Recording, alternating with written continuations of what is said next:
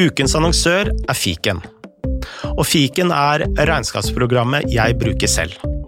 Fiken er laget for oss med små bedrifter som fakturerer kunder, og som har utgifter som må bokføres. Det å sende en faktura er gjort på et blunk, og fiken henter innbetalingene rett fra banken. Så det er enkelt å se hvilke kunder du må følge opp og ikke. Kvitteringene legges inn via en app. Du tar faktisk bare et bilde av kvitteringen, og så gjør fiken resten. Tiden med en pose eller en skoeske full av kvitteringer er forbi. Bilaget legges automatisk inn i regnskapet, så du kan kaste kvitteringene etterpå. Fiken gir deg en trygghet fordi du alltid kan være sikker på at du har ført regnskapet riktig, og at du ikke har glemt noe. Og lurer du på noe, får du god hjelp av kundestøtten som er kåret til markedets beste. Prøv gratis i 30 dager på fiken.no.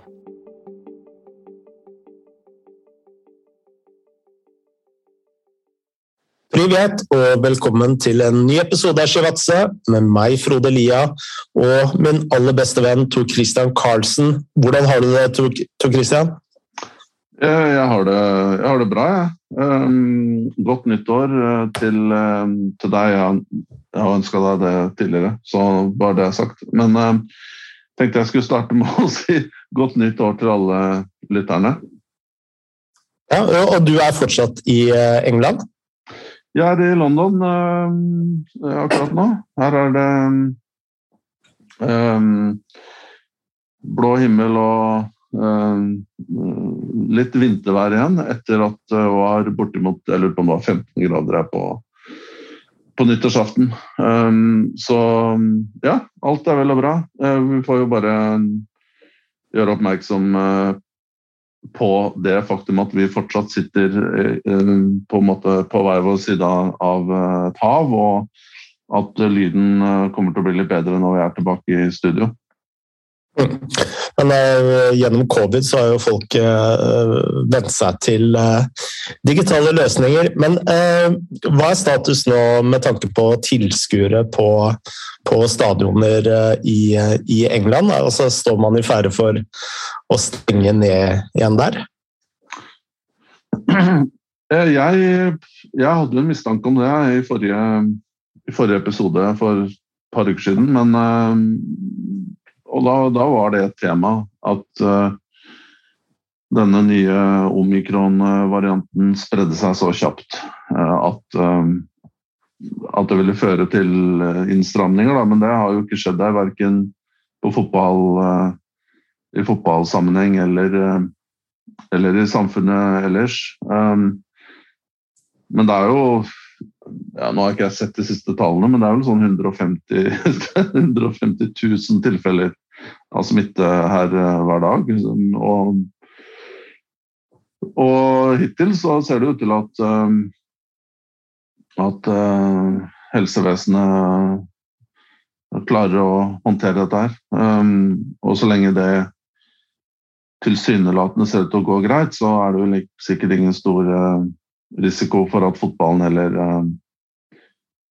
ja, at, at, det blir restriksjoner på, på inntak. Jeg, jeg, ser jo at I Skottland så har de jo redusert kapasiteten til 500, tror jeg. Mm. Men uh, her er det her er det som normalt. Eh, eh, for en som ikke spiller som normalt. Han heter Lukaku og spiller i, i Chelsea.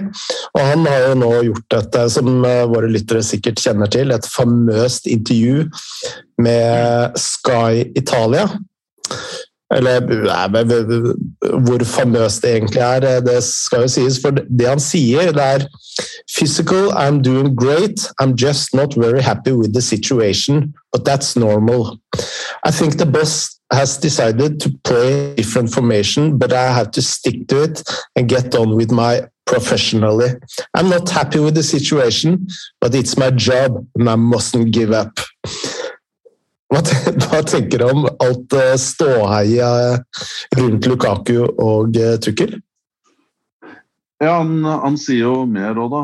Han sier jo at Inter, uh, Inter er klubben uh, uh, i hans hjerte. Og han um, legger vel ikke så veldig mye mellom linjene at han, at han, at han vil dit. Og, og, så sier han også noe om at det er tre, eh, tre store klubber i verden som alle vil spille for, og det er Real Madrid, Barcelona og Bayern München. Eh, så det er, det er, mye på en gang her. og um, det kommer jo overraskende, syns jeg. Det er jo um, Altså, Chelsea la ekstremt mye prestisje i den overgangen her. Han kosta borti 100 millioner pund. Et sted på 90-tallet, tror jeg, så drøyt godt over en milliard norske kroner, da. Um, og så har han jo slitt litt med skader i første halvdelen av sesongen her. Og, um, så det er jo ikke sånn at han har vært uh, på en måte vært fryst ut på noen som helst måte av Tuchel, eller at det har vært noen uoverenskommelser rundt taktiske ting eller prioriteringer. Det virker jo sånn at, at, at, det er sånn det skal være, på en måte. Mm. Um, så dette her er jo ekstremt uheldig. Og um, jeg syns det er um, Jeg syns det er veldig spesielt. Og det, er, det, tar meg litt sånn tilbake til den tiden med Jeg husker det var spesielt franske spillere som uh, sånn på 2000-tallet Anelka var jo hver gang han var på landslagsoppdrag med Frankrike, så var det liksom Så skulle han jo ut i fransk fotball og ytre et eller annet om at han, var, øh, at han var misfornøyd i England. Og det var alltid sånn rytme i det at hver gang spillerne kom, eh, kom til hjemlandet, så begynte de å, å, å, klage, da. Nå er jo ikke Lukako sitt hjemland Italia, men allikevel er liksom det, det, det, virker veldig kalkulert, det her, da, synes jeg.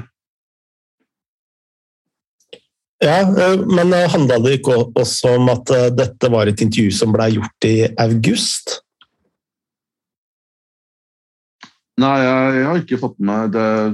Det her er jo, så vidt jeg vet, nytt.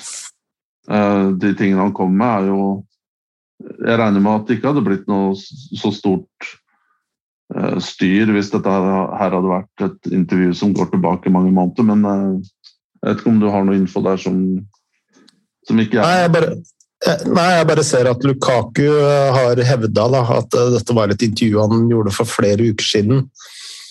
Ja, for uh, er jo greit, men august er jo flere måneder siden. Ja, nei, Først så var det rapportert om at dette var et intervju som var gjort i august. Og så kom, sa han senere at dette var et intervju han hadde gjort for flere uker siden. Men eh, bare en liten ting, det du sier om eh, franske spillere. altså Han har jo et eh, fransk management, ser jeg. PNP Sports Management. Er det noen du kjenner til? Um, ja, nå er jo Lukako belgier og ikke franskmann, men um, jeg, Nei, jeg tenkte på agentene er franske. Ja, ja, jeg har fått med det. Jeg vil bare presisere overfor lytterne at ikke vi Eh, tror Lukaku er, eh, er franskmann. Men uh, agentene er Og dette er jo også en, interessant poeng oppi det hele her. Da. Eller så kan jo alle, hver av oss, gjøre opp sin egen mening. Jeg bare legger fram faktaene her, og så, som jeg sier, så får alle trekke sine egne slutninger. Jeg insinuerer ikke nødvendigvis noen ting. Men um, agenten er jo uh, Federico Pastorello, uh, italiener, som er basert i, i Monaco. Um, og kan jo også Det andre opplysningen her er jo at uh, Pastorella er jo også agenten til Antonio Conte. Mm. Um, og Eh, og, og jeg, jeg, vet jo også at Pastorello hadde veldig gode, god connection med, Tottenham, nei, med Chelsea eh, da Conte var manager.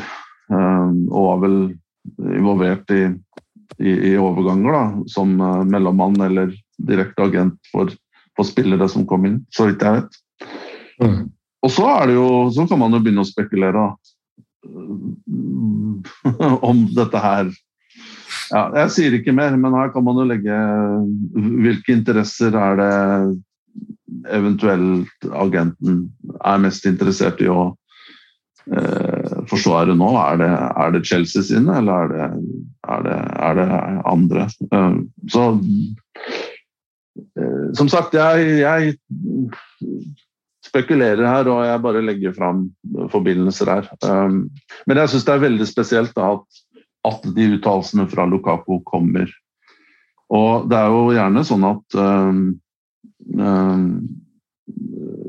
at spillere også konsulterer agenter før man eventuelt sier ting, eh, spesielt kontroversielle ting da, til media.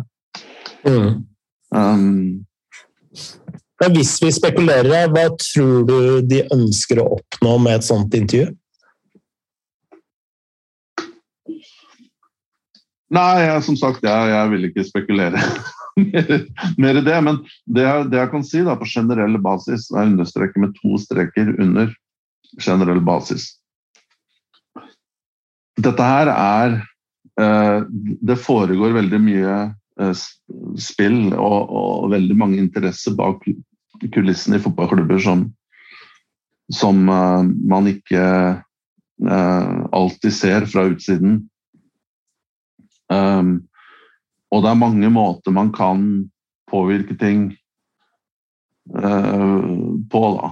Um, så for eksempel uh, Man ser jo at noen klubber har en politikk der visse agenter er, er, er ekskludert. Da. Det er noen klubber som ikke gjør business med, med noen agenter. Visse agenter. Um, og det, det, handler også noen ganger om at um, den agenten som blir på en måte boikotta, den har veldig sterke forbindelser med andre klubber som er konkurrerende. Så man ønsker på en måte ikke en Man så litt i tvil om lojaliteten til agenten, uh, og om at man på en måte kan gi fra seg informasjon til en person som har mer uh, som har connection andre steder. Uh, og det andre handler også om at man, man, har agent På en måte en husagent selv, som er som man er lojal mot, og som da har kanskje konfliktforhold til, til en annen agent.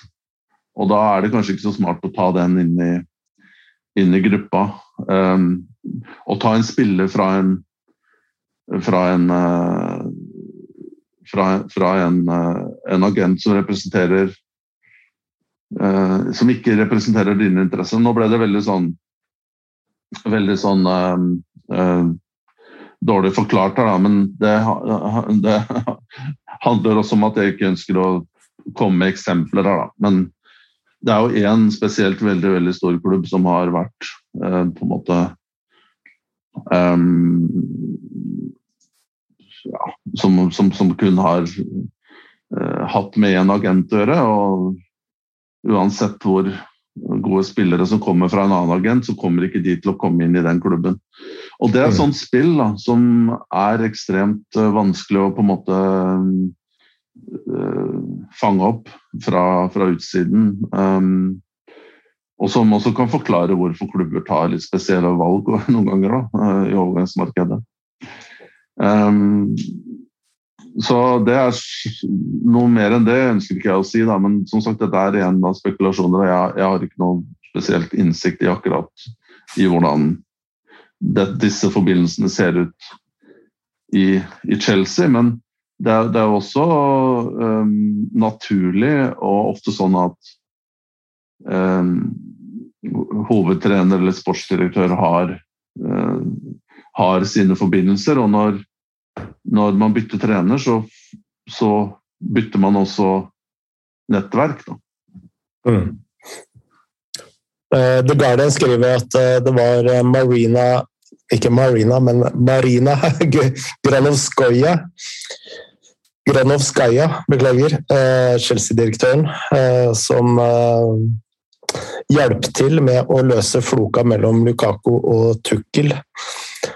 Ja, jeg skulle likt å ha vært øyne og ører i det rommet der. Ja, jeg det, det, det, må jo bli sånn til slutt, da, at man når, på en måte, når det Når man hever konflikten og drar den inn så, så, på styrerommet eller til eh, CEO, eh, så, så, blir det jo stort sett løst. Mm. Men eh, jeg, bare forstår ikke altså Lukaku er i utgangspunktet en, en smart fyr, intelligent uh, mann. Uh, man snakker om at han, han snakker seks språk og er meget oppegående. Og da, da, forstår ikke jeg hvordan en så rutinert og begavet person da, at han skal droppe en sånn bombe, da, på en måte. Mm. Og på det tidspunktet er uten noen spesiell uh, årsak til det. Eh, så Men eh, det, det, dette er jo forstyrrende. Eh, og jeg tenker jo også at Dette sier litt om hvor volatile fotball er i, i kontra andre businesser. Da. At Eh, her kan du eh, investere i en spiller som du til alt overmål også har hatt i klubben tidligere og kjenner veldig godt. Eh, og bruker da enorm sum. Nesten et helt års inntekter fra media. Og så kan den spilleren på en måte gjøre seg selv Altså gjøre seg selv nesten eh, Uspiselig? Ja, uspiselig, men også ubenyttbare da, for klubben. Mm. Ved, å, ved, å, ved, å, komme med uh, den type uttalelser. Så det her er jo Jeg syns det er veldig, veldig spesielt. Og timingen, da. Men det er ikke bare dårlige nyheter i Chelsea. Eh, Thiago Silva har akkurat eh, signert en ny ettårskontrakt. Eh, han er 37 år, så, men det er veldig sjelden jeg ser noen skrive under på en ettårskontrakt og være så fornøyd som det Thiago Silva var. Han omtaler det nærmest som en drøm å få Uh, spilt tre år i, i, i, Chelsea. Altså, det bevares meg vel. Altså, det, er, eh, det, er, fantastisk, det. Men uh, vanligvis så nekter jo eldre spillere å, å signere på noe annet enn uh, toårskontrakter. Mm. Nei, han er jo en ydmyk mann. I tillegg til at han er en fantastisk fotballspiller. Han er jo også en topp, topp menneske har hjertet på riktig sted. og Da er jo er vel også dypt uh, kristen, tror jeg, eh, hvis jeg ikke tar helt feil. Um, mm. Men um, det er vel kanskje den av de den gjengen på utgående kontrakter som Det er jo veldig fint å lande Tiago Silva, men samtidig så vet du ikke alltid når, når møter han muren. da. Altså, mm. det, er, det, er, gjerne litt sånn på spillere som er så langt opp i, i 30-årene at det plutselig så over en sommer eller over en, et opphold på noen måneder, så er det liksom Så er, uh, så er, så er fysikken så, så, stopper det, da. Um, men så har du både Rudiger og Christiansen Christensen heter han vel, bak der, som også er på utgående. Men Rudiger blir kanskje litt vanskeligere å, å, å beholde, vil jeg tro. Han har takka nei til kontraktsforslaget på 140 millioner. Eh, hva, tenker du? Ja, ja 140 000 i uka. Ja, 100, beklager. Ja, pund. Um, jeg, så, jeg, så, noe om at han ønska 220 eller hva det var. så er jo, Hvis det stemmer, så er jo det et godt stykke mellom. Mm. Men um, eh, det, det, er jo sånn at når du har en uh, fantastisk spiller eh, som er på utgående kontrakt eller er på vei mot det siste året, um, og du er på en måte i verdenstoppen, så er det, så er det, liksom det Real Madrid-spøkelset er alltid der. Det, mm. De vil være interessert i spilleren og de vil være rundt og snuse, og det gjør det veldig vanskelig for deg som klubb å få landa, landa en avtale. så lenge den, For det, veldig mange spillere har jo en drøm om å spille for akkurat den, akkurat den klubben der. Mm. Eh, jeg bare lurer på om eh, vi skal gå fra Premier League eh, til Eliteserien og russisk Premier League. Eh, altså vi snakka veldig mye om Rosenborg sist, sist episode. Eh, men etter sendinga så kom jeg på et par ting som jeg hadde lyst til å spørre deg om. Og Eh, og da særlig med tanke på Erik Botheim, som eh, sikkert alle kjenner til, ble solgt til Krasdar eh, for en totalpakke på 100 millioner kroner frem til 2025. Og det jeg egentlig lurer på, Hvor vanlig er det egentlig å terminere kontrakter uten å sikre seg noen form for fremtidige økonomiske betingelser. Og hvis det er vanlig, hvorfor uh, gjør, man, gjør, man, egentlig det? Nei, det, det, er jo en sak den altså Nå går vi et år tilbake i tid der. Um, og jeg kommenterte vel den saken da det skjedde, og, um, og har gjort det tidligere i vinter òg jeg forstår jo ingenting av, og det, det, mener jeg vi aldri har fått noen god forklaring på hvorfor Botheim ble terminert uh, av Rosenborg. Og så kan man si at ja, han mislykkes i Stabæk. Han, uh, han hadde ingen på en måte god CV å vise fram. Um, og overbevist ingen i, i, i, i, Rosenborg, altså på klubbnivå. Så, men dette er en, en gutt som da var 18-19 år. Mm. Da, da, får folk komme og vise meg spisser på 18-19 år som skårer eh, dobbelt antall med mål i Eliteserien i Norge. Det finnes jo nesten aldri. Og så kan man snakke om Haaland, og, altså, men det, det, blir jo på en måte Han er et fenomen da, som er helt utenfor normen. Mm. Eh, men eh, Botheim, det skal også sies at han eh, de som ser fotball, ser jo, har jo sett at det er en spiller med et stort talent og med en potensiell oppside. Um, og, og, potensial, som sagt. Altså han har, har disse egenskapene. Altså han, har, ja, han er god hodespiller, han er god brukbar feilvendt, som det heter. Kommer til å bli bedre på det. Um, har god avslutningsteknikk fra forskjellige hold og vinkler og ene og det andre.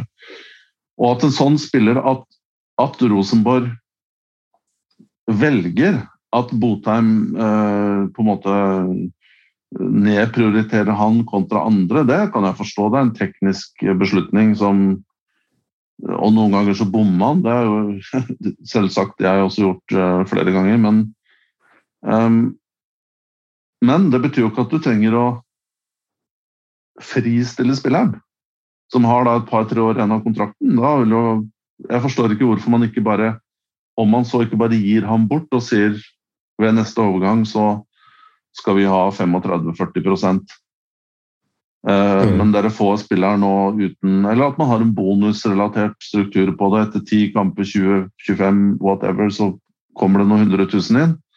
Mm. Eh, det gir mening.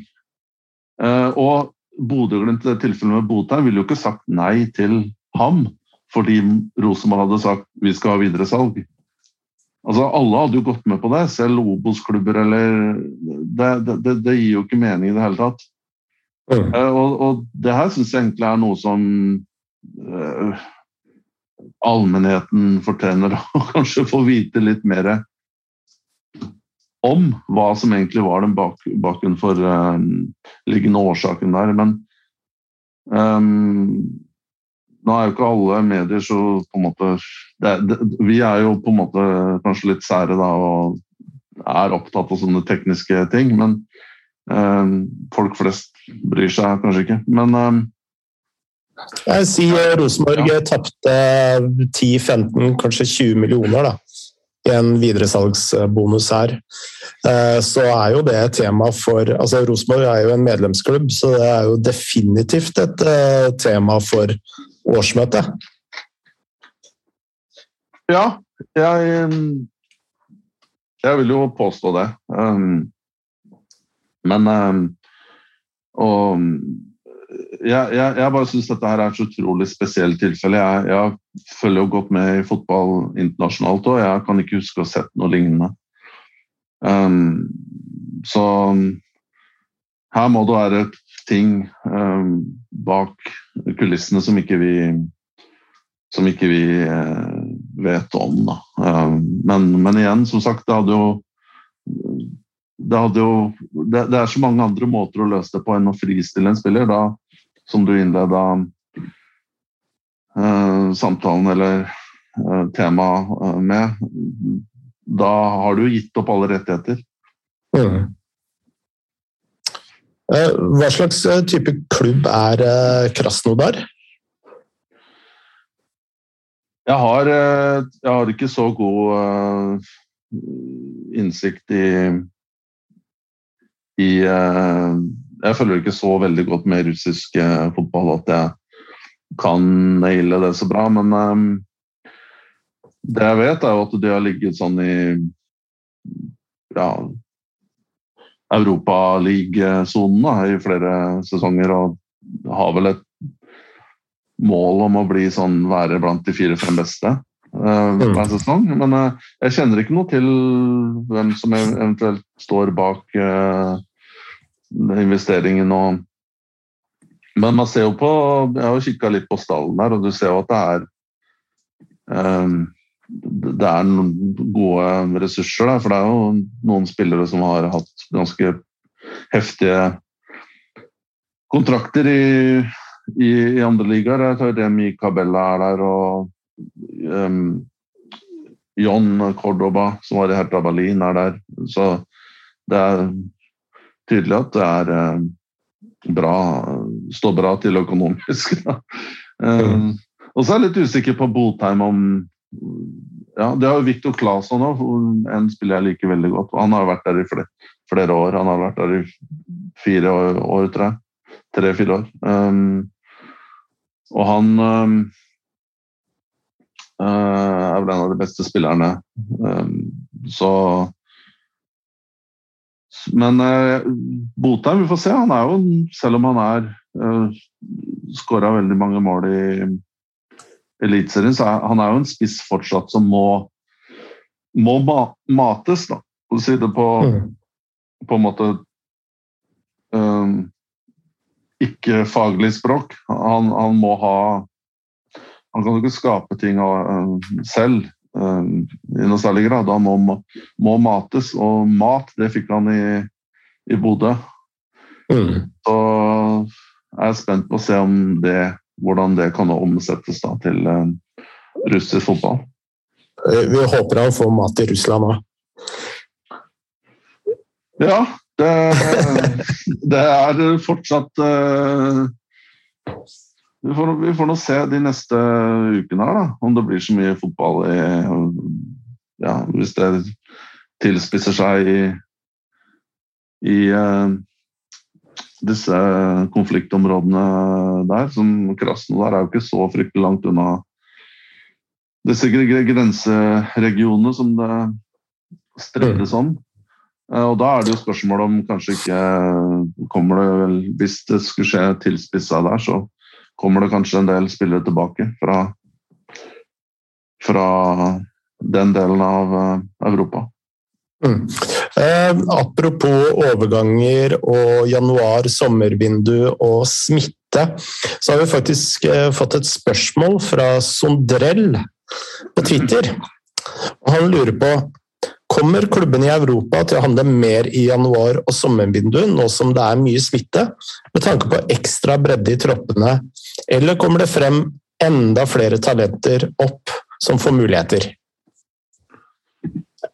Nei, all uh, info som jeg uh, sitter på, og som kommer fra de menneskene jeg snakker med rundt om i fotballen, så, så, så tyder det meste på at, på at for den veldig store majoriteten at man uh, fortsatt skal stramme inn og, og spare og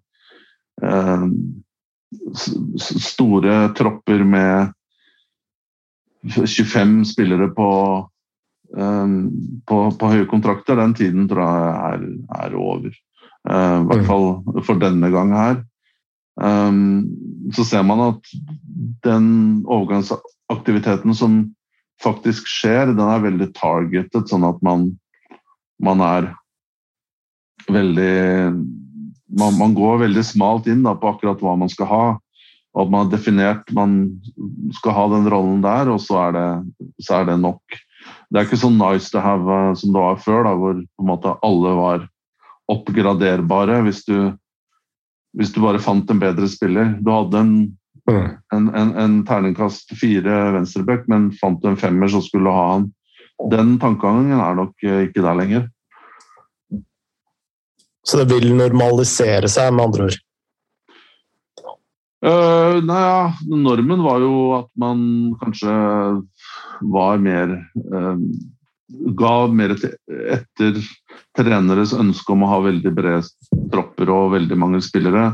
Men jeg tror det som har blitt normen nå, er at man heller fyller på med unge og, uh, og jobber på den måten der, da. Det er i hvert fall det inntrykket jeg har. Mm. Eh, vi har fått et eh, spørsmål til, eh, apropos nordmenn til utlandet. Eller vi har fått to spørsmål. Et fra Stian Hustad Knutsen, som lurer på om tanker om Seide til Tyrkia. Og så har vi fått et spørsmål fra Adrian Lindstad om hva kan Vålerenga forvente å få dersom Thiago Holm eller Osame selges i dette vinduet? Og hvilke høyrekanter bør Vålerenga se på som forsterkninger i vinter? Ja, mye på en gang. Ja, masse. Eh, jeg kan jo begynne med Odin og Osame. Eh, jeg tror ikke de kommer til å selge, selges nå i dette vinduet. Jeg tror de i hvert fall kommer til å vente til eh, sommer. Og hvis Vålerenga skal eh, makse litt sånn pris ut av særlig Osame, da, så bør den vel rendyrkes som en indreløper og ikke kant, tenker jeg. Jeg vet ikke hva du tenker om det? Um det, det er litt sånn Jeg er litt usikker, jeg. Altså, må han rendyrkes? Um, nå, nå, er jo kanskje den fotballen som Fagermo står for, er litt mer uh, Ja, han har sine klare ideer om fotball, og, og rolletolkningen skal være veldig klar, da, som definerte typer i de forskjellige rollene og Det er jo en litt sånn greie som kanskje man i Norge holder litt mer fast på enn man har gjort i andre land. hvor det er litt, og jeg, jeg ser kanskje for meg uh, Sarawi som, med, som, kunne passe inn i en klubb som er hvor det er litt mer flytende da, eh, framme der. Fra indreløper og kant. Eh, hvor han hvor, hvor, hvor, han får gå i de rommene der han kan gjøre mest skade på, på motstanderen. Um, og ja, det, er vel sånn på en måte moderne, mer moderne, moderne europeiske fotballen har utvikla seg, at rollene er mer flytende. Så, men jeg vet ikke. Det er jeg, jeg, tror det som er litt kanskje ironisk med, med Sarawi, og jeg er veldig stor fan av han har vært siden han, han fikk sjansen. Eh, det er vel litt at Um, når utenlandske klubber henter norske spillere, så skal de ha litt andre egenskaper. Da. At de eh, Hvis ikke du er helt ekstrem, da, eh, ekstrem ballspillende type som Martin Ødegaard var 15 år og, og var eh, var eh, toppspiller på, på, et topplag, så er det klart det, det er en litt annen uh, situasjon. Men uh, jeg tror man, utenlandske klubber ser veldig etter, etter fysikk, da. og, og, og, og løpssterke spillere. Nå løper jo nå løper jo Sarawi nok, sikkert, men den type fotballspiller som han er, og det han representerer, da, det er kanskje noe man også finner eh, mye av i den aldersgruppen som eh, som, eh, som, er der ute i land som, som kommer til Norge og ser da f.eks. tyske klubber eller belgiske eller eh, eller, eller, spanske klubber. At, at, at, den spillertypen der er Eh, er noe man finner litt i sine egne akademier. Da. Det er kanskje det jeg tenker, men på et tidspunkt så, så får man jo se om man er så Man har jo sett på U21 da, at han har jo det toppnivået som er helt ekstremt høyt. Og, og hva er den riktige matchen her, da? Um, mm. Så men eh, jeg, jeg, tror vel i hvert fall um, Odin Tiago Holm, som er, er, han et år eller to yngre enn uh, Sarawi. Da. Så han, han har jo ikke etablert seg som fast på Vålerenga ennå.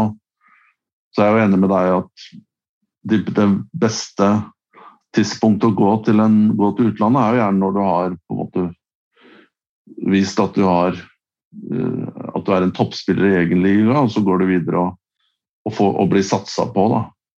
Mm. Og hvis uh, utenlandske klubber må betale altså det, det går liksom en, en, slags smertegrense. Hvis du er anførselstegn billig, da, så har jo ikke klubbene de, den, det store presset på at du blir satsa på heller, enn om du koster 50-60 millioner over det.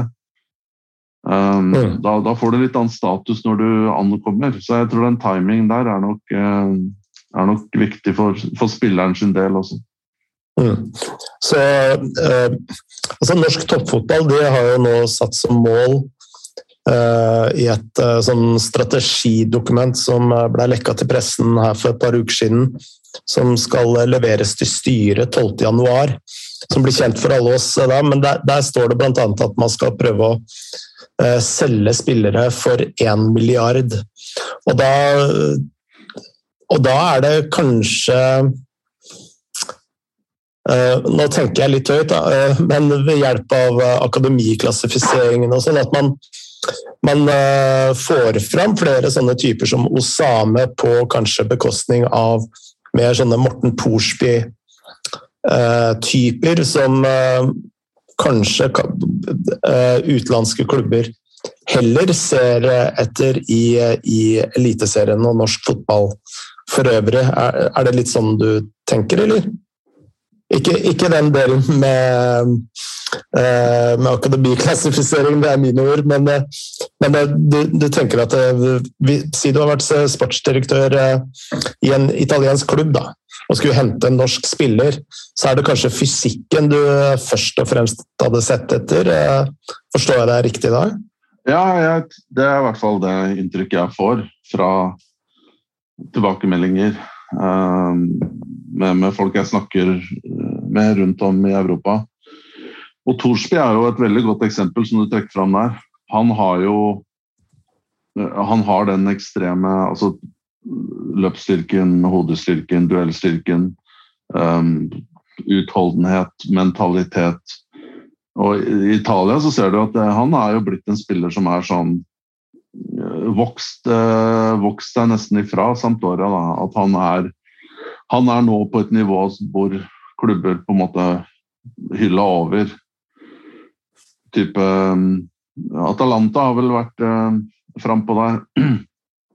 At det er den type klubber der, da, kanskje også Lazio og Roma etter hvert, eh, som, som, er interessert i han. Og det, og det handler jo også om at de egenskapene der og den stabiliteten i, i, i um, uh, prestasjonene. Altså Torsby på den Gazetta-børsen som går fra 1 til 10. Uh, du skal være og, pluss en desimal, da, så Det er vel den beste spillebørsen jeg har sett um, noen gang. Um. Altså som konsept, da. Og du skal være vanvittig god Du skal ha hatt en vanvittig god kamp for å få mer enn sju. Og så skal du ha vært ekstremt elendig for å få under fem. Så De mm. fleste ligger da mellom fem og og, og, 7, med en desimal, som sagt. Da. Og Torsby ligger jo nesten alltid på 6 eller 6,5. Han er jo aldri oppe, sjelden oppe på 7, og han er veldig sjelden under, under 5,5. Eh, mm.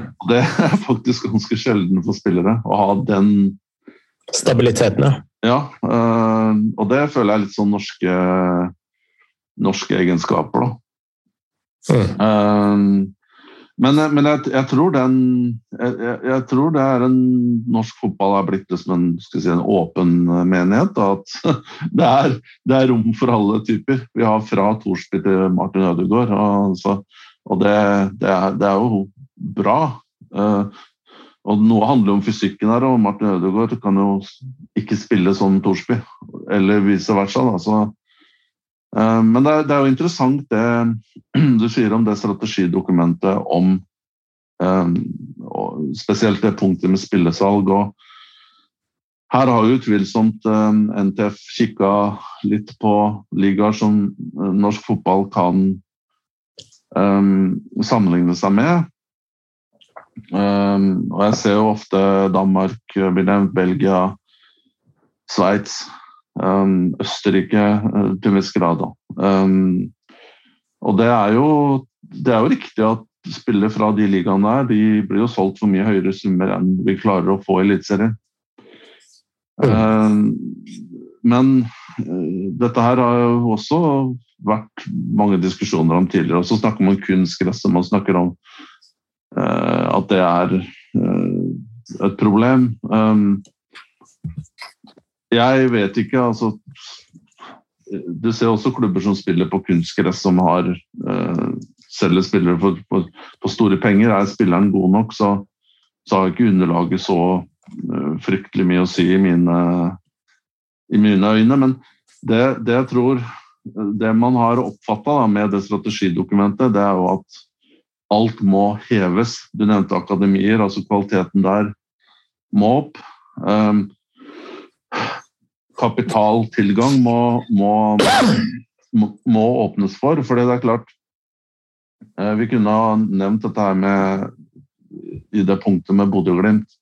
Nå blir det, Vi hopper litt fram og tilbake, men det er vår podkast, så vi har lov, lov, til det. Det har vi fullstendig lov til. Og Poenget mitt er at um, hvis du skal kunne kreve, eller hvis du skal klare å skape mekanismer som gjør at du kan få mye for spillerne, så er det mange ting som må klaffe. Da. Du må ha sportslig suksess, du må ha et godt kollektiv som funker, som, som man har fått til i, i, i, i Bodø-Glimt. Og du må ha et godt miljø, sånn at spilleren ikke bare hopper på det første og dårligste tilbudet som kommer fra utlandet. Og det Bodø-Glimt har klart, da, ikke nødvendigvis fordi de er så um, veldig mye bedre enn de andre klubbene, men det tyder jo på at Bodø-Glimt er en klubb som spillere ønsker å være i. Ikke bare fordi du har etternavn som, et, som er Bjørkan og, og, Berg, men at man har klart å skape et miljø og man har klart å skape en kultur som gjør at spillerne faktisk at, at det som dukker opp fra utlandet, må være noe eh, som er litt bra. da. Og, mm. Men eh, i de fleste andre klubber som ikke Det Bodø-Glimt har fått til her, er det ekstremt vanskelig å få til. Um, og det tar deg gjerne kanskje fem-ti år uh, for, å, for, å, lykkes med en sånn type strategi. Uh, og tilleggskomponent um, her vil jeg si at du må også ha et, et, lønnsnivå som generelt er høyere enn det altså som er høyere enn det som er i norsk fotball. For det er jo det er også logisk at det, danske klubber kan jo kreve mer for spillerne fordi de tjener bedre. Altså, eh, det vil ta et mye bedre tilbud for en dansk klubb å gå ut enn for en norsk. En, en, mm. en, eh, en dansk spiller går ut enn en norsk spiller fordi han har tross alt eh, 100-150-200 høyere lønn. Og da kan du ikke liksom komme en klubb fra østre Anatolia i Tyrkia og så hopper spilleren på det, fordi han har allerede en god deal i Danmark. Og Norge må komme seg dit sånn at ikke absolutt alt som kommer inn, er interessant fordi man har så elendige eh, lønnsforhold eh, her i Norge. Da. Altså, du ser spiller Zakaria som går til Ungarn. OI går til, eh, til Serbia, som med all respekt er store tradisjonelle navn, både Røde Stjerne og, og Ferencvaros. Men det er jo ikke ligaer som Norge skal lekke spillere til. Uh, heller, ikke, heller, ikke, Kypros eller små klubber i Tyrkia eller uh, uh, ene og det andre. Det, det, vi, det, er ikke dit vi skal selge spillere, og det tror jeg NTF, NTF også har, har, ønsker å gjøre grep for å stoppe. Da. Nei, I tillegg til det så Eh, skaper du en talentflukt fra Eliteserien som medfører at Eliteserien også mister kvalitet. Som igjen gjør at de spillerne du selger, eh, selger ut, eh, er, er, kanskje ikke av så høy kvalitet som de kanskje kunne ha vært. Nei, det er jo helt enig. Det er logisk eh, resonnement. Det jeg syns er litt sånn eh, veldig simpelt eh, resonnement i den debatten her. Jeg ser ofte den kommentaren kommer når man diskuterer dette punktet her. Da. Så kommer det Klubbene må si nei. Klubbene må bli tøffere og må kreve mer for spillerne. Det er veldig enkelt å, å si hvis du har Bodø-Glimt, som har på en måte klart å game dette her. Da. De har klart å Litt kanskje tilfeldig og litt fordi det er dyktig, så har de klart å skape en modell som gjør at det er, ikke er veldig fristende. Eller det skal være noe veldig bra før du går fra, fra Bodø-Glimt.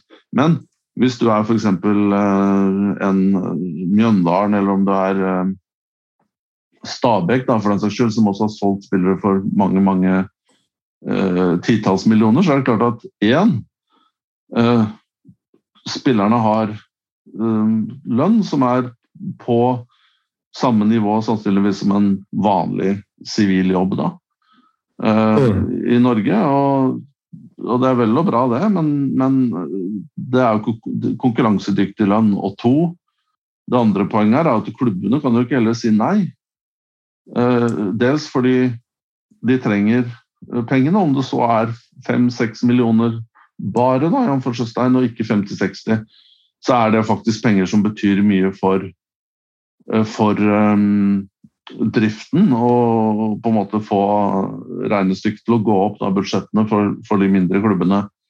Mm. Og, det, og, det, tredje poenget er jo at hvis du nekter spillere på det nivået der, som tjener de, den type summene, eh, presumptivt opp, eh, opp, upgrades, altså, så, så, ender du opp i konflikter med spillerne. Som, dette her har jeg vært uh, gjennom selv. og du kan prøve på alle mulige måter å holde spillerne fornøyde på den ene og andre måten, men eh, risikoen er jo at spilleren um, At du taper spilleren, at spilleren ikke altså at, at, spilleren blir pissed off og ikke presterer på, på det nivået han har gjort tidligere. Uh, mm. Eller at han lar kontrakten gå ut, og så får du, så får du nada. Så det der er mye mer vanskelig um, område å deale med. Det krever veldig mye diplomati, fingerspitsgefühl, og, og det er ikke så enkelt som å si at klubbene må kreve mer. det, er faktisk noe av det dummeste jeg hører. For det, mm. det, er enkelt å si det hvis man har på en måte, altså Bodø-Glimt og igjen, kommer tilbake til dem. De har nå kommet inn i en sånn uh, virtuous circle. Um, som, som, gjør at på en måte alle disse mekanismene spiller på deres side. Nå har de gjort når, når du tross alt da har klart å uh, skape verdier og sportslige prestasjoner som gjør at du kan selge spillere for 40, 50, 60, 70, 80 millioner.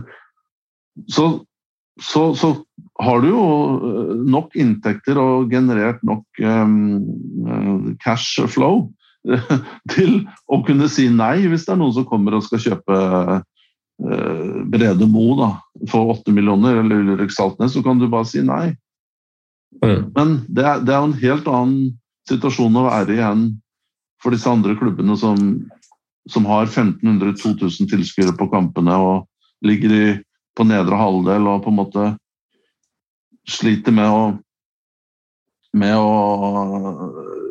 med å få endene til å møtes. møtes. Så det, det, er liksom, jeg tror det er viktig å ha, forstå at det er ikke eh, det scenarioet som kanskje Bodø-Glimt er i nå, det er ikke, det er ikke allmenngyldig i Eliteserien.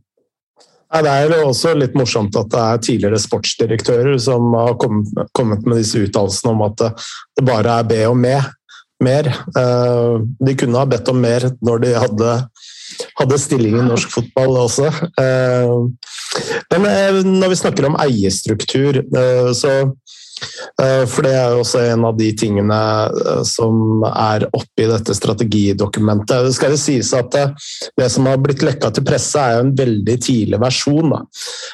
Og visstnok så jobbes det fortsatt med dette strategidokumentet som skal sendes til styret 12.1, og da blir det offentlig for, for, alle. Men hvis det som har stått i bl.a. Nettavisen og i Josmar stemmer, da, at man prøver å få, få, til en eierstruktur, og da er det litt av motivasjonen til å få større kapitaltilgang. Og, og da tenker jeg det er to ting, da. Hva, hva er det med dagens modell, med dualmodellen, som gjør at eh, det ikke er attraktivt å, med tanke på å tiltrekke seg ekstern kapital? Um, den er vel litt sånn um, Den er ikke en, Den er ikke på en måte um,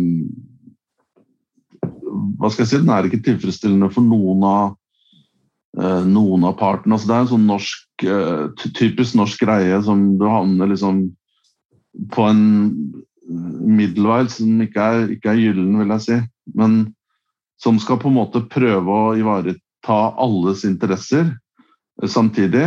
Men gjør det Ivaretar egentlig ingens interesser, for så vidt. Men jeg, i, i, det korte så vil jeg jo si at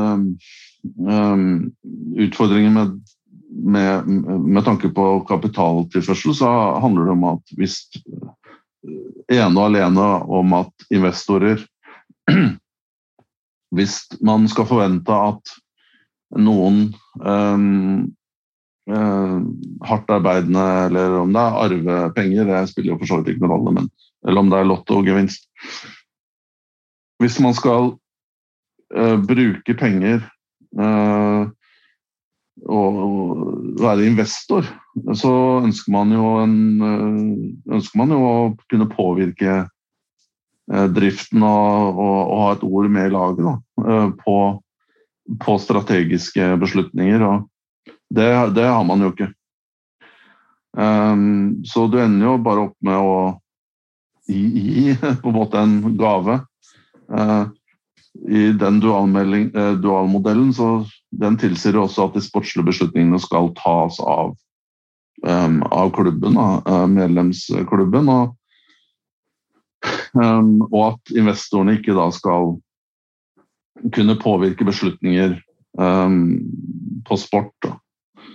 Uh, og det, det, er jo den store forskjellen fra ja, Norge og Danmark, f.eks. Der man kan som privatperson eie 100 av en fotballklubb og gjøre akkurat hva man vil med den. Mm. Eh, men del to i det, det er jo realismen i det, og grunnen til at det blei en sånn uh, modell som dualmodellen, uh, det handler jo om i stor grad for at man skal få til en sånn endring, så må det til en lovendring hos Norges idrettsforbund. Uh, og det synes jo å være altså, veldig langt fra mål til å få til. Uh, så alt dette fokuset med jeg, jeg, kan ikke se realismen i å få til en endring i eierstrukturen uh, overhodet, altså. Nei, for det er ikke fotballen selv som avgjør? Eller? Nei, det er idretten. Ja. Så det er jo ikke, det er ikke tinget til Fotballforbundet, for det er en lovendring, og da er det Idrettsforbundet som, som skal avgjøre det. Så det er jo en endring som kommer til å få ringvirkninger langt utenfor fotballen. Ja. ja. Jeg, jeg, ser jo at en annen utfordring her er jo man, Det er jo veldig vanskelig å få gehør eller en slags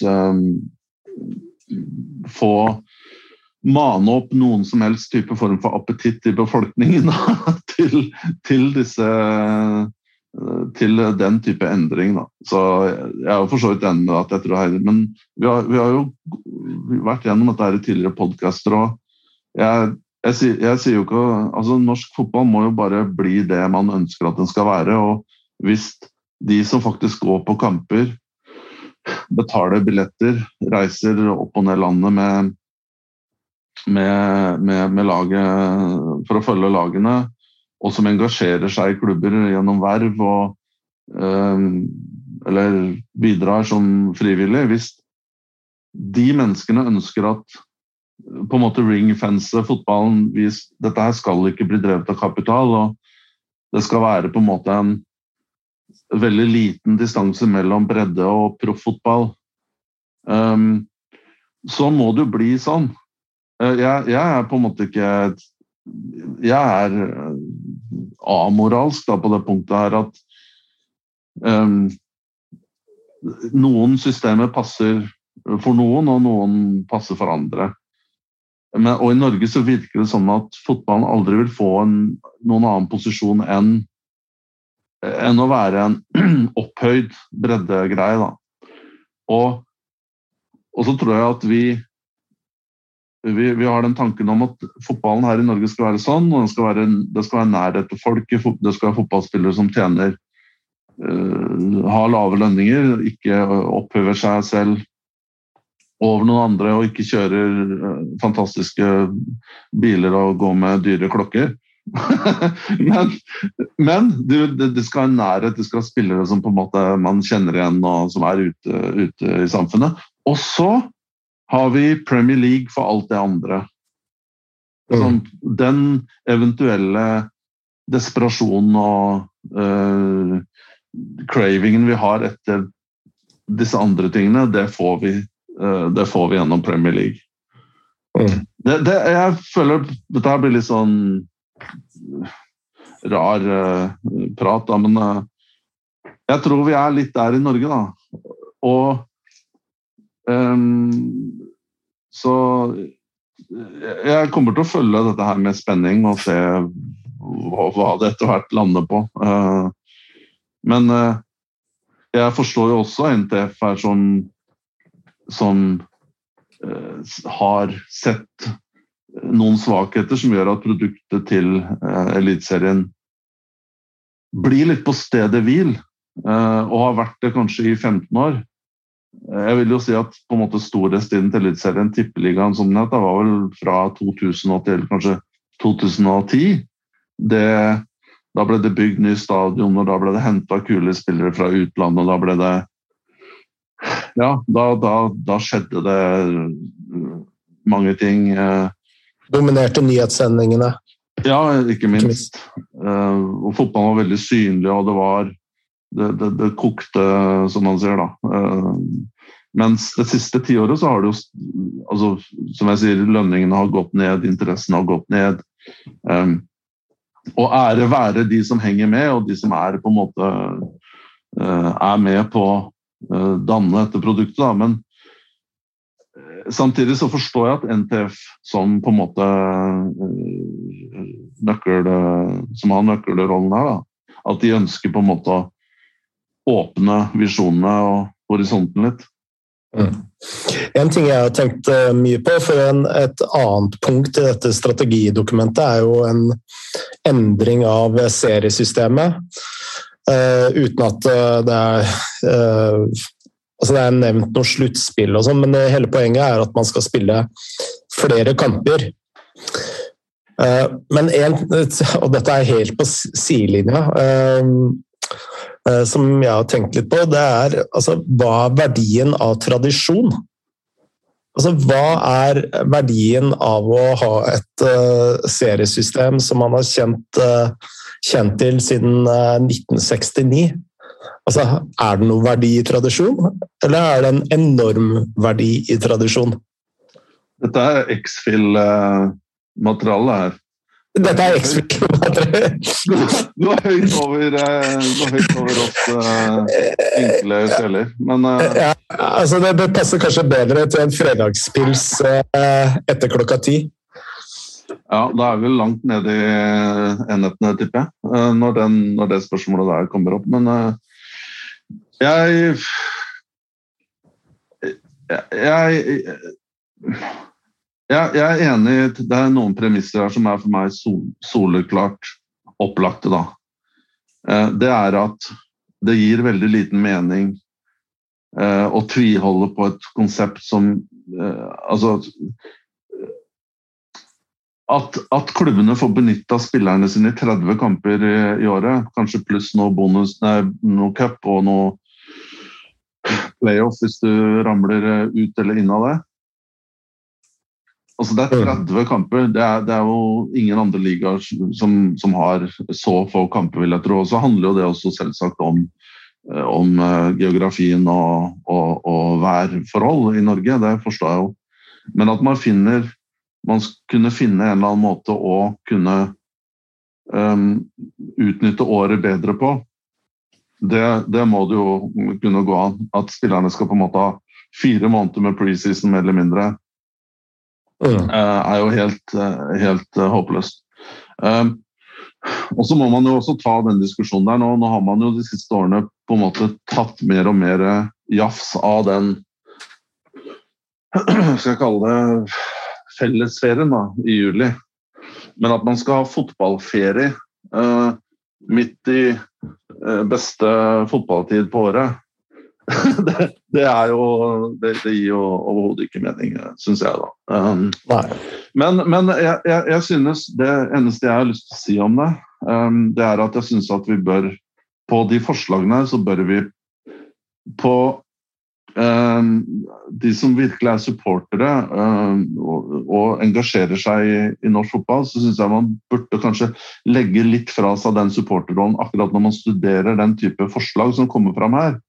Og tenke mm. litt utover Tenke på helheten og tenke på, på utvikling, da. Og ikke bare hoppe på eh, rett på håndbrekket og eh, rett ut på sosiale medier, og hva er det som kommer her og totalt slakte det, før man i det hele tatt har vurdert det fra et ikke-emosjonelt stå, ståsted. Da. Det er i hvert fall, og, jeg forstår disse som faktisk har ansvaret eh, om å forsøke å løfte produktet, at de ser på disse løsningene, syns jeg er, er, naturlig. Hva tenker du? du? Hvor står du i dette her? Nei, altså Jeg erkjenner at uh, man uh, trenger flere kamper uh, i løpet av en sesong. Men uh, Så det, det, er jo en erkjennelse, det. Men jeg tenker også at dette med tradisjon altså det er en viktig påle for norsk fotball. Så jeg ville heller sett på noen andre løsninger til å få til en kanskje alternativ eh, Det er jo veldig mange som har etterspurt en Royal League, f.eks. Men men det vil jo ikke skje, fordi danskene er ikke interessert i Royal League. Fordi de har jo alle sine kamper. Um, og en tanke jeg har tenkt, det er jo kanskje å opprette en unionliga med Sverige.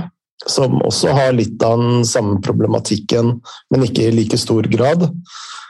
Eh, hvor man kanskje kunne kjørt en, et cupsystem med svenskene.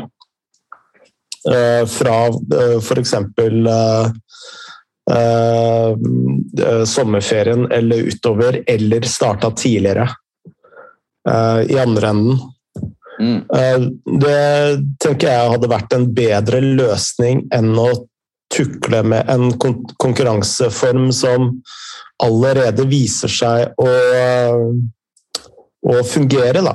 Og som veldig mange er glad i. Og ikke bare supportere, men også objektive seere. Eh, tror jeg også er veldig glad. Altså, det er jo en grunn til at Premier League har den formen de har eksempel. Altså, det er jo en suksessfaktor, hele det ligasystemet, hvor lag møter hverandre to ganger.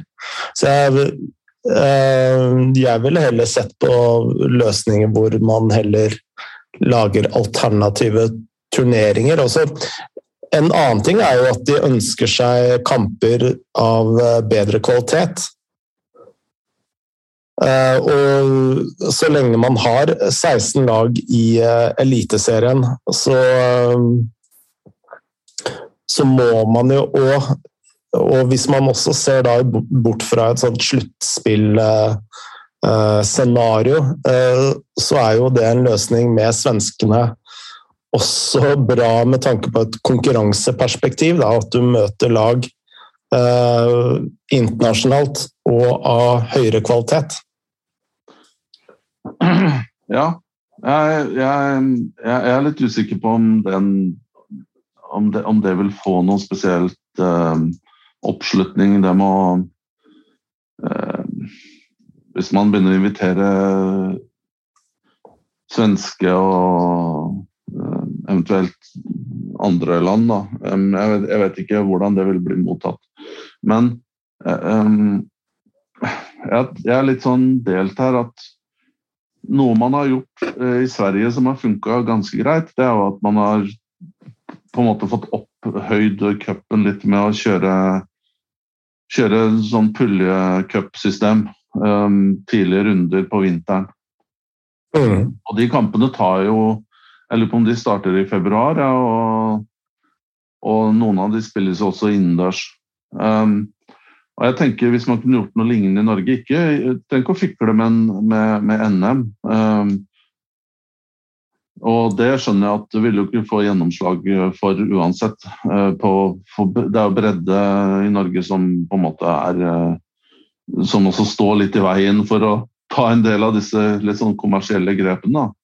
Men at man kunne lagd Nå bare tenker jeg topp of my head og må bare arrestere meg på hvis jeg sier noe som ikke gir mening her, da. Men jeg tenkte jo hvis man kunne lagd en slags ligacup-opplegg på vinteren uh, som man starta f.eks. i januar, og det er litt sånn low-key, da. Um, men samtidig at det er en fin finale um, med kanskje en liten pott som det går an å, å hente uh, litt penger ut av på slutten. Ja, da tenker jeg som Obos-lagene og eliteserielagene deler det inn i grupper og, og spiller mot hverandre. Og at det, alt trengs ikke å spilles liksom på en fantastisk eh, eh, arena eller matte. Noen kamper kan kanskje gå, gå i Marbella, og andre kan spilles i, i LSK-hallen. Altså. Men at det er et eller annet tilbud som er uh, kompetitiv da, på, på, på vinteren det er jo det som er utfordringen, å få den uh, som gjør noe annet enn bare bare spille vennskapskamper. Uh, det, det, jeg, jeg, er kanskje en outcast her, da, men jeg, jeg ville i hvert fall sett på de kampene. Jeg hadde kanskje til og med reist og, uh, og kjøpt billett da, og sett. For det, jeg syns det er jeg synes Det er litt spennende om man har klart å krysse ligaene litt. At eh, Obos-lagene hadde fått litt flere kamper mot eliteserielag, og, og, og og kanskje vice versa. da. Og Det minner jo litt om en sånn Nations League-modell også, som har jo vært en kjempesuksess. Mm. Det må jo sies. Ja. Jeg, jeg, jeg, skjønner ikke helt hvorfor det ikke skulle gå an å på en måte starte noe du, du, det trenger liksom ikke å være Du trenger ikke å ha Fifa-organisasjon på plass for å liksom At man kunne starta noe som er litt sånn litt uh, low-key, da, og prøve det mm. et år eller to. Og det viktigste er jo at, at, lagene får en, en, en, bra oppkjøring, og samtidig at det er litt mer spenning i enn å bare se treningskamper. Så ja. det kunne kanskje men eh, før vi avslutter hele denne strategibolken vår nå, så, så, er det en liten ting som jeg tenker har vært eh, veldig lite oppe i media og veldig lite diskutert, som, som også har med en del uh, ganske mye penger å gjøre. Og det er jo at NTF har foreslått, og det forhandles visst fortsatt, om akkurat dette. Eh, fordelingen av eh, medierettighetene da fra 2000, 2023 til 2028. Eh, og per i dag så hvis vi tar Eliteserien, så får NTF 74,4% og NFF 25,6% av Eh, potten for eh, Eliteserien. Og nå er det foreslått at eh, fra NTF da, at fordelingen skal være 88% av ligainntektene til NTF og 12% til NFF. Det skal også sies at landslagspotten også blir fordelt 36,5% til NTF og 63,5% til NFF. Og Her har da NTF også foreslått at eh, NFF får hele denne kaka. Eh, men så har jeg sittet og regna litt på det, og hvis eh, dette forslaget fra NTF kommer igjennom, da, så vil dette netto utgjøre en inntektsøkning for NTF på nesten på drøye 100 millioner norske kroner. Ehm, eller NFF miste 100 millioner eh, kroner, alt ettersom, eh, per år. Og det er jo veldig betydningsfullt for eh, toppen, eventuelt bredden, hvis eh, det går gjennom. Ja. Um, hvem er det som skal bestemme det her, da? Altså det er jo forhandlinger nå mellom NTF og NFF. Så, ehm, så det er jo NTF og NFF som skal bestemme dette her. Ja. Um, ja, nei, det blir spennende å se. Um, det er det første jeg hører om det her. Um, men jeg, jeg, tenker jo mer sånn det store linjene at det er jo Det er vel litt en tendens at Ja, at forvaltningen av elitefotballen gjøres gjennom liga. Um, og at man Ja, at det ikke nødvendigvis er en så stor ulempe at man um, At man um, splitter ting litt mer opp, da. Um, mm. At, at, at Eliteserien blir mer et spissa produkt. Um, uh, og, og, toppfotball får um, får, får større ressurser. Um, som, som, England. Da, og det ble jo lenge påstått at det var Premier League sin på en måte. De er, de er jo en egen entity som, som, som, styrer alt selv. og Det ble jo påstått i veldig lang tid at det var den modellen der som gjorde at, at England kun tenkte kommersielt og, og klubbfotball. og at det gikk så dårlig med rekruttering og, og sånt. Da. Men så, så, ser man jo også at, at dette her går an å løse eh, eh, på en annen måte. Og selv om i England så har man jo investert også mye i, i, i, i disse tingene som man ønsker å oppgradere i Norge, med, med St. George's Park og, og, all den kompetansen man besitter der. Men at, at det er en dualitet her men som kanskje må tas litt ut av hendene til forbundet og, legges litt mer hos klubbene, da. Det, det gir jo gir litt mening, da, i mitt hode. Sånn Mm. fra Tar den på volley her. Den på volleyen. Eh, skal vi ta noen eh, raske spørsmål eh, før vi avslutter? Ja, vi prøver. Eh, Eivind eh, Torstensen han eh, spør Tror dere Liverpool kjøper noen nye offensive spillere til sommeren? Hvis ja, hvem kan være aktuelle? Jeg tror de kommer til å kjøpe en ny offensiv spiller, og det er jo med tanke på alderen til, til front til front tre. Men det skal jo sies at de har Minamino i bakgrunn Nei, i bakhånd, som jeg tror de kommer til å spille inn som et uh, førstevalg de neste årene. Og de har jo kjøpt uh, Jota i tillegg, Mm. som har gjort det veldig bra. Uh, ja, det er min take om det. Ja, jeg avhenger jo av den kontrakten til Sala som går ut om halvannet år. Og klart hvis, det, hvis han skriver en ny deal, så blir vel han ut, ut uh, karrieren, i hvert fall den på en måte um, Før middagshøyden kommer, så, um, så valgene Det er klart, hvis Salah ikke blir, så vil jo det og de signalene får man vel kanskje allerede i løpet av våren her, da. Hvis de kan Mm. se, um, senest ved sesongslutt, kanskje. Så. Men um, jeg har ingen um, jeg, er spent på å se hva som egentlig skjer med Liverpool, mer sånn på strategisk nivå, når Michael Edwards uh, forsvinner. Um, og så blir han erstatta av en um, av, uh, internt, da, av han som var Mm. på en måte høyre hånd. Uh, det er jeg litt spent på, å se om For det Michael Edwards har vært litt sånn obskur personlighet.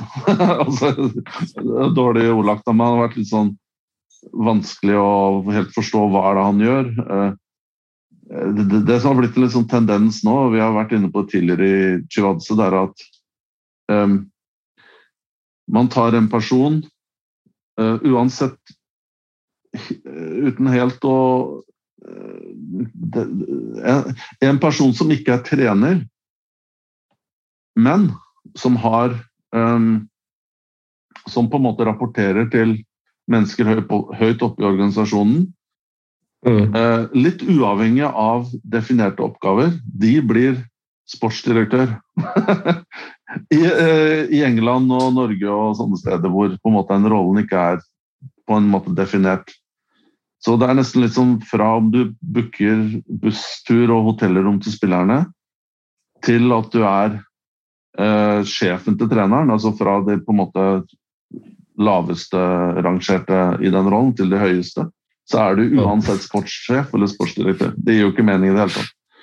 Nei. Og Michael Edwards var jo en sånn sidekicken til Det var vel Komolli som henta han først til Tottenham, tror jeg, eller om det var uh, Jeg tror det. Og så vokste han på en måte med Komolli, som var en og er en sportsdirektør på en måte i den gamle, solide definisjon av rollen.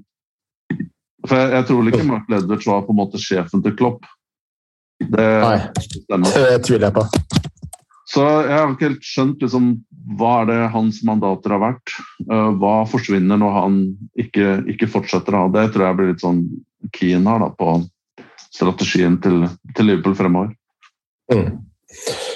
Eh, jeg tror fortsatt, hvis man skal eh, liksom gå liksom Liverpool i næringa med tanke på track record, da, så tror jeg heller de kommer til å kjøpe en uh, nummer to-kant eller spiss som kan uh, eventuelt erstatte Jota eller Minamino den dagen de kommer inn, enn et uh, soleklart førstevalg. hvis det gir mening. Ja, jeg har, jeg har ikke noe å utsette på det. Jeg vil bare ta, et, ta med et innspill fra godeste Jon Kimvik, som er en veldig oppegående mann.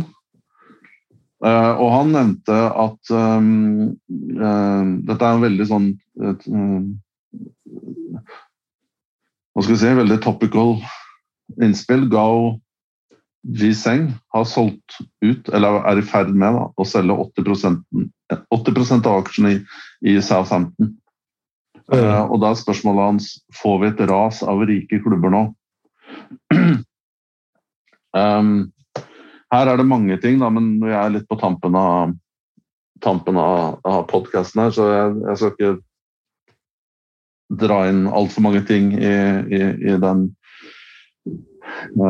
i, i resonnementet her. Men um, kineser som selger, det er jo ingen overraskelse. Um, og det blir jo sagt at, uh, eller det er jo åpenbart at kinesere som har investert i europeisk fotball, har jo blitt bedt om å selge seg ut.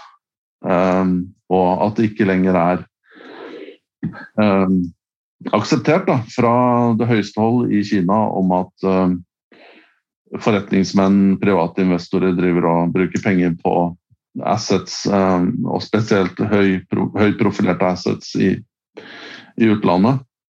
Mm. Uh, han, han, her har jo, han, var, han kjøpte Southampton i fire år siden, tror jeg. Og han har jo forsøkt å selge allerede i halvannet år, tror jeg. Ja. Um, men man, man, ser jo også andre klubber der det har vært kinesere, blir nå erstatta av andre eiere. Det som er litt spennende og interessant, da, um, som en liten fotnote til, den, til spørsmålet fra, eller innspillet fra Jon Kim her, det er jo um, at det er en serbisk mediemagnat som heter um, Dragan uh, Sokol, som som uh, ser ut til å ta over. Uh, og med seg så har han ingen uh, annen enn Rasmus Ankersen.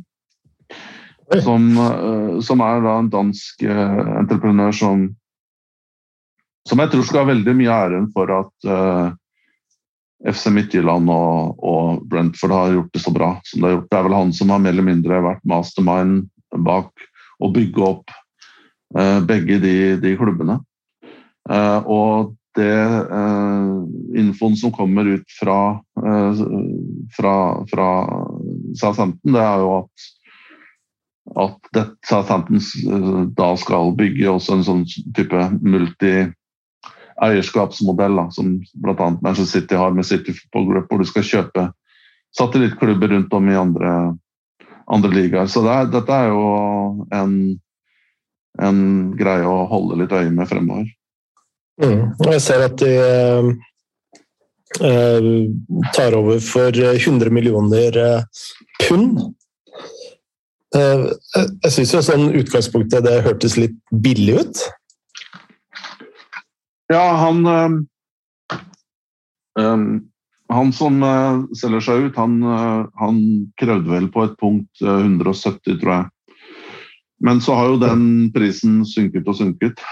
Um, og, uh, og, han har tatt uh, Så han tar vel en liten hit der, men som sagt, når du har fått instruksjoner som det blir sagt da, fra høyeste hold hjemme, at uh, de, de, den investeringen må hentes, de midlene må hentes hjem, og de skal brukes i i People Republic, Folkerepublikken, så, så, det er klart, da skynder du deg.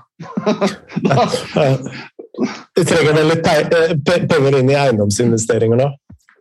Ja, der står, står det heller ikke så bra til. Men uh, veldig spennende å se om Fordi Ankersen han takket jo for seg selv for Litt overraskende, syns jeg, da, i og med at uh, det er første sesongen med Brentford i Premier League. Det går kjempebra med FC Midtjylland. De leder, i, de leder jo eh, serien Danmark og har gjort det bra i Europa.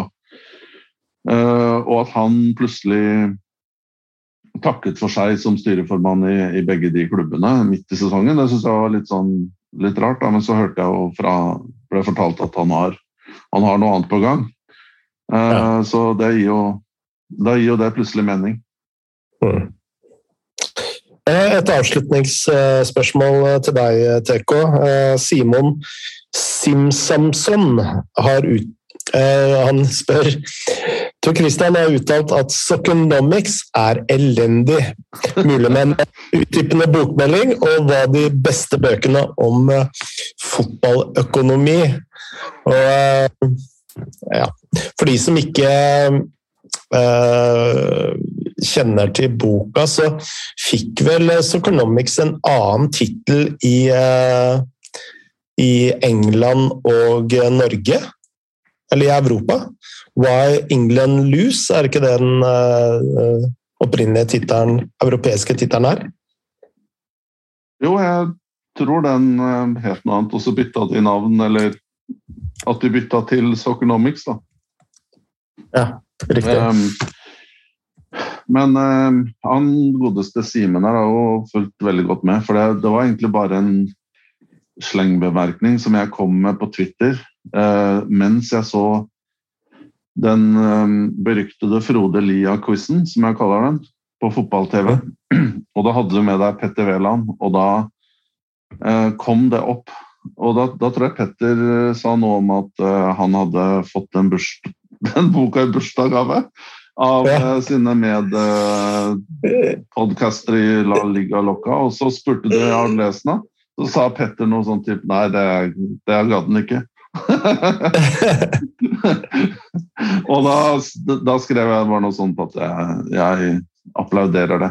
Nei, jeg, jeg bare syns at den boka er um, Nei, det er jo god underholdning, og det er jo en del sånn Hva skal jeg si um, Nå er det mange mange år siden jeg leste den boka. Den ble vel utgitt kanskje 15 år siden, eller noe sånt?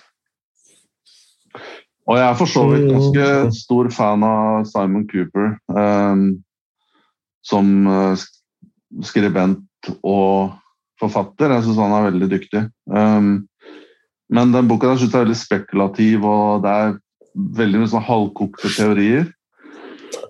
Og det var ett punkt der uh, nei, uh, noen, noen, ting da, sånn rent forskningsmessig er jo De gjorde en del gode funn, sånn at de regna på tilskuerantallet i forhold til befolkning, og kom fram til at Norge var den mest fotballgale nasjonen i verden. Det var jo en artig måte å uh, regne på, da, som setter pris på det.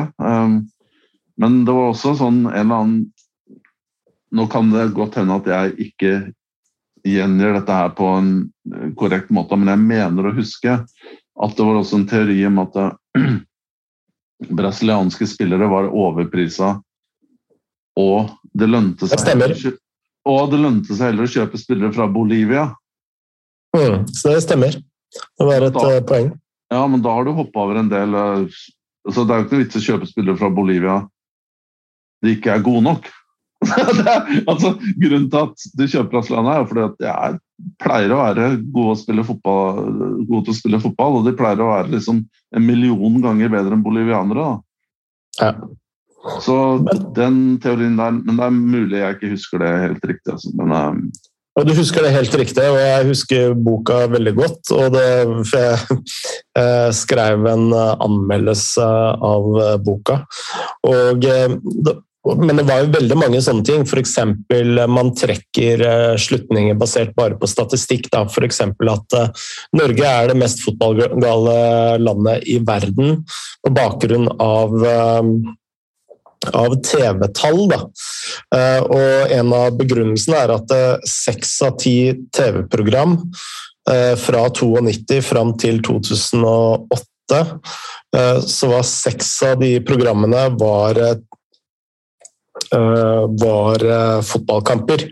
Blant annet eh, Norges kamp mot Var det Mexico eller Italia? Jeg tror det var Mexico. Åpningskampen var en av de mest sette Eller var nummer én da, som mest sette TV-program i Norge til et visst punkt.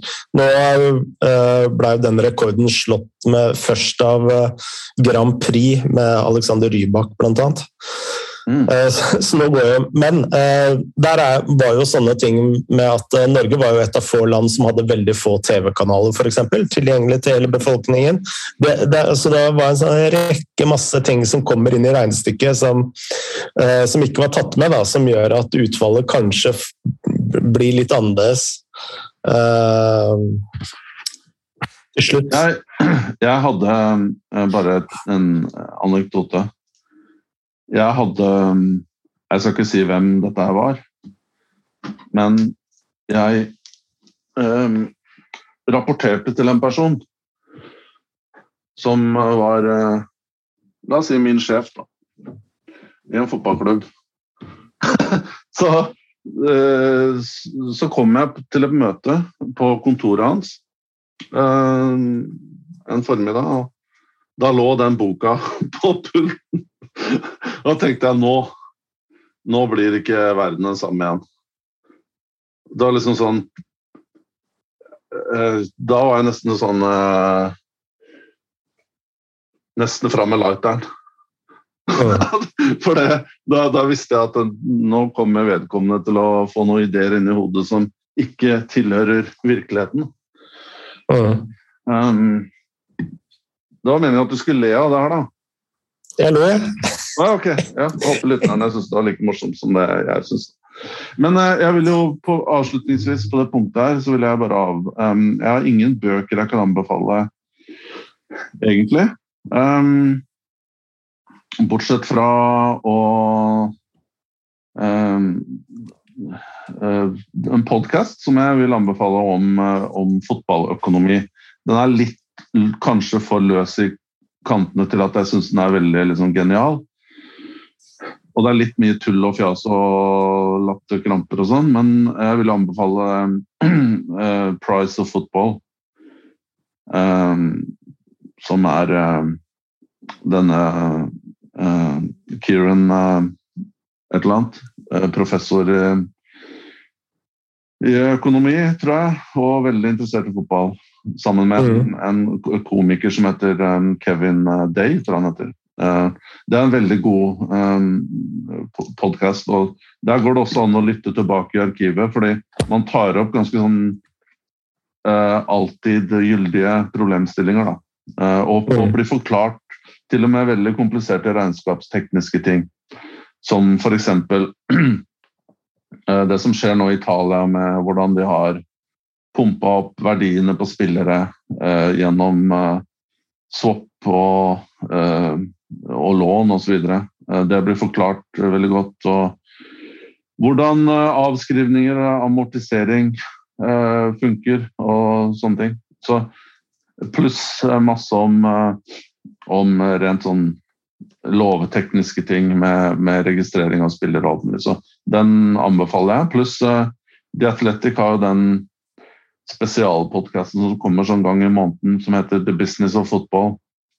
Mm. Hvor de gjerne har med en, eh, en eller annen eh, Kanskje en eier eller en investor eller um, en som har med dem på en måte penge pengedelen av fotballen som gjest, som, som, som, er også veldig interessant i samtalen. Så jeg vet ikke om du har noe å tilføye der? Frode? Nei, altså Det er jo også en bok som heter 'The Price of Football', uh, som jeg ikke har lest. Som, ja, det er eh, samme, samme Kieran. Ja, ikke sant, for den uh, Kieran. Og den ligger jo på topplisten i England nå, uh, ser jeg. Ja, riktig. Den, den, er nok Den er nok da definitivt å anbefale. Mm.